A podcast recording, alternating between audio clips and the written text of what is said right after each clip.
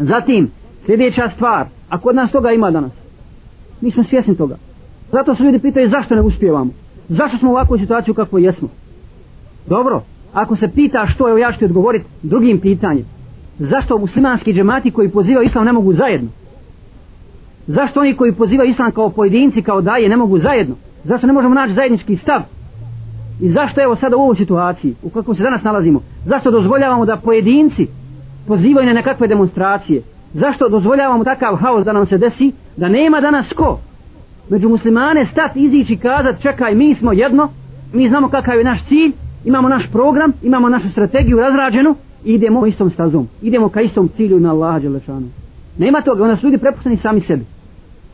I onda dozvoljavamo sebi takav luksus da neki od pojedinaca koji su ljubomorni prema Allahu i vjeri.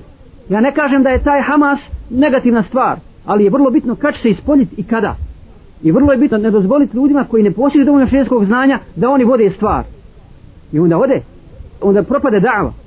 A mi možemo lahko zakočiti davu, lahko je možemo zaustaviti, nema problema, ako to hoćemo, ako nam je to cilj, a to nam nije cilj. Dakle, radi toga, zašto nismo zauzeli jedinstven stav? Sve islamske omladinske organizacije, islamska zajednica, političke partije koje se bore za opstanak islama na ovim prostorima. Znači, bojimo se odgovornosti. Bojimo se odgovornosti. Ne možemo zajedno. A svi pozivamo islam. I svi govorimo istu stvar. Svi govorimo istoj stvari. U većini slučajeva. A nikako da nađemo zajednički stav. Radi toga govorim dakle, da se moramo vratiti na ovo. Naša dava mora biti usmjerena samo u kojem pravcu? Izvođenju ljudi, izrobovanja ljudima, robovanja Allahu Đalešanu. Zatim, treća stvar koja se stalno, stalno promiče kroz Kur'an, kroz Allahu objavu i riječi Allaha Đelešanu koje stavlja u usta svojih poslanika jeste La es'alukum alaihi ajra Ja od vas ne tražim za ovo nikakvu nagradu. Jel tako rekao Nuh a.s. svome narodu? Jel tako govorio Šuajv a.s. svome narodu? I Hud a.s. i Salih i tako dalje.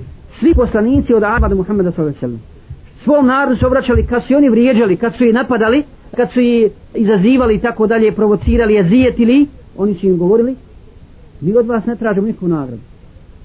Zašto se bunite? Mi vam samo objašnjamo istinu. Nema šanse da se s poslaničkom davom i pozivom tebi pomiješalo nešto od toga. Pomiješao nešto od toga. Da ne do Allah se dozvoli da se uz taj poziv želi nešto drugo. Zar poslaniku sa sve nisu nudili to?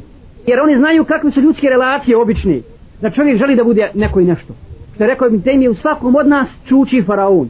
Samo neko ima šansu na dunjalog da ispolji tu faraonsku narav a neko nema i tako dalje. Neko se boji uglavnom misli su da ga mogu dobiti na takav način pa su mu nudili sve to znači za čim teži ljudska duša i bogatstvo i vlast i žene i autoritet da bude glavni autoritet Kurejša je tako?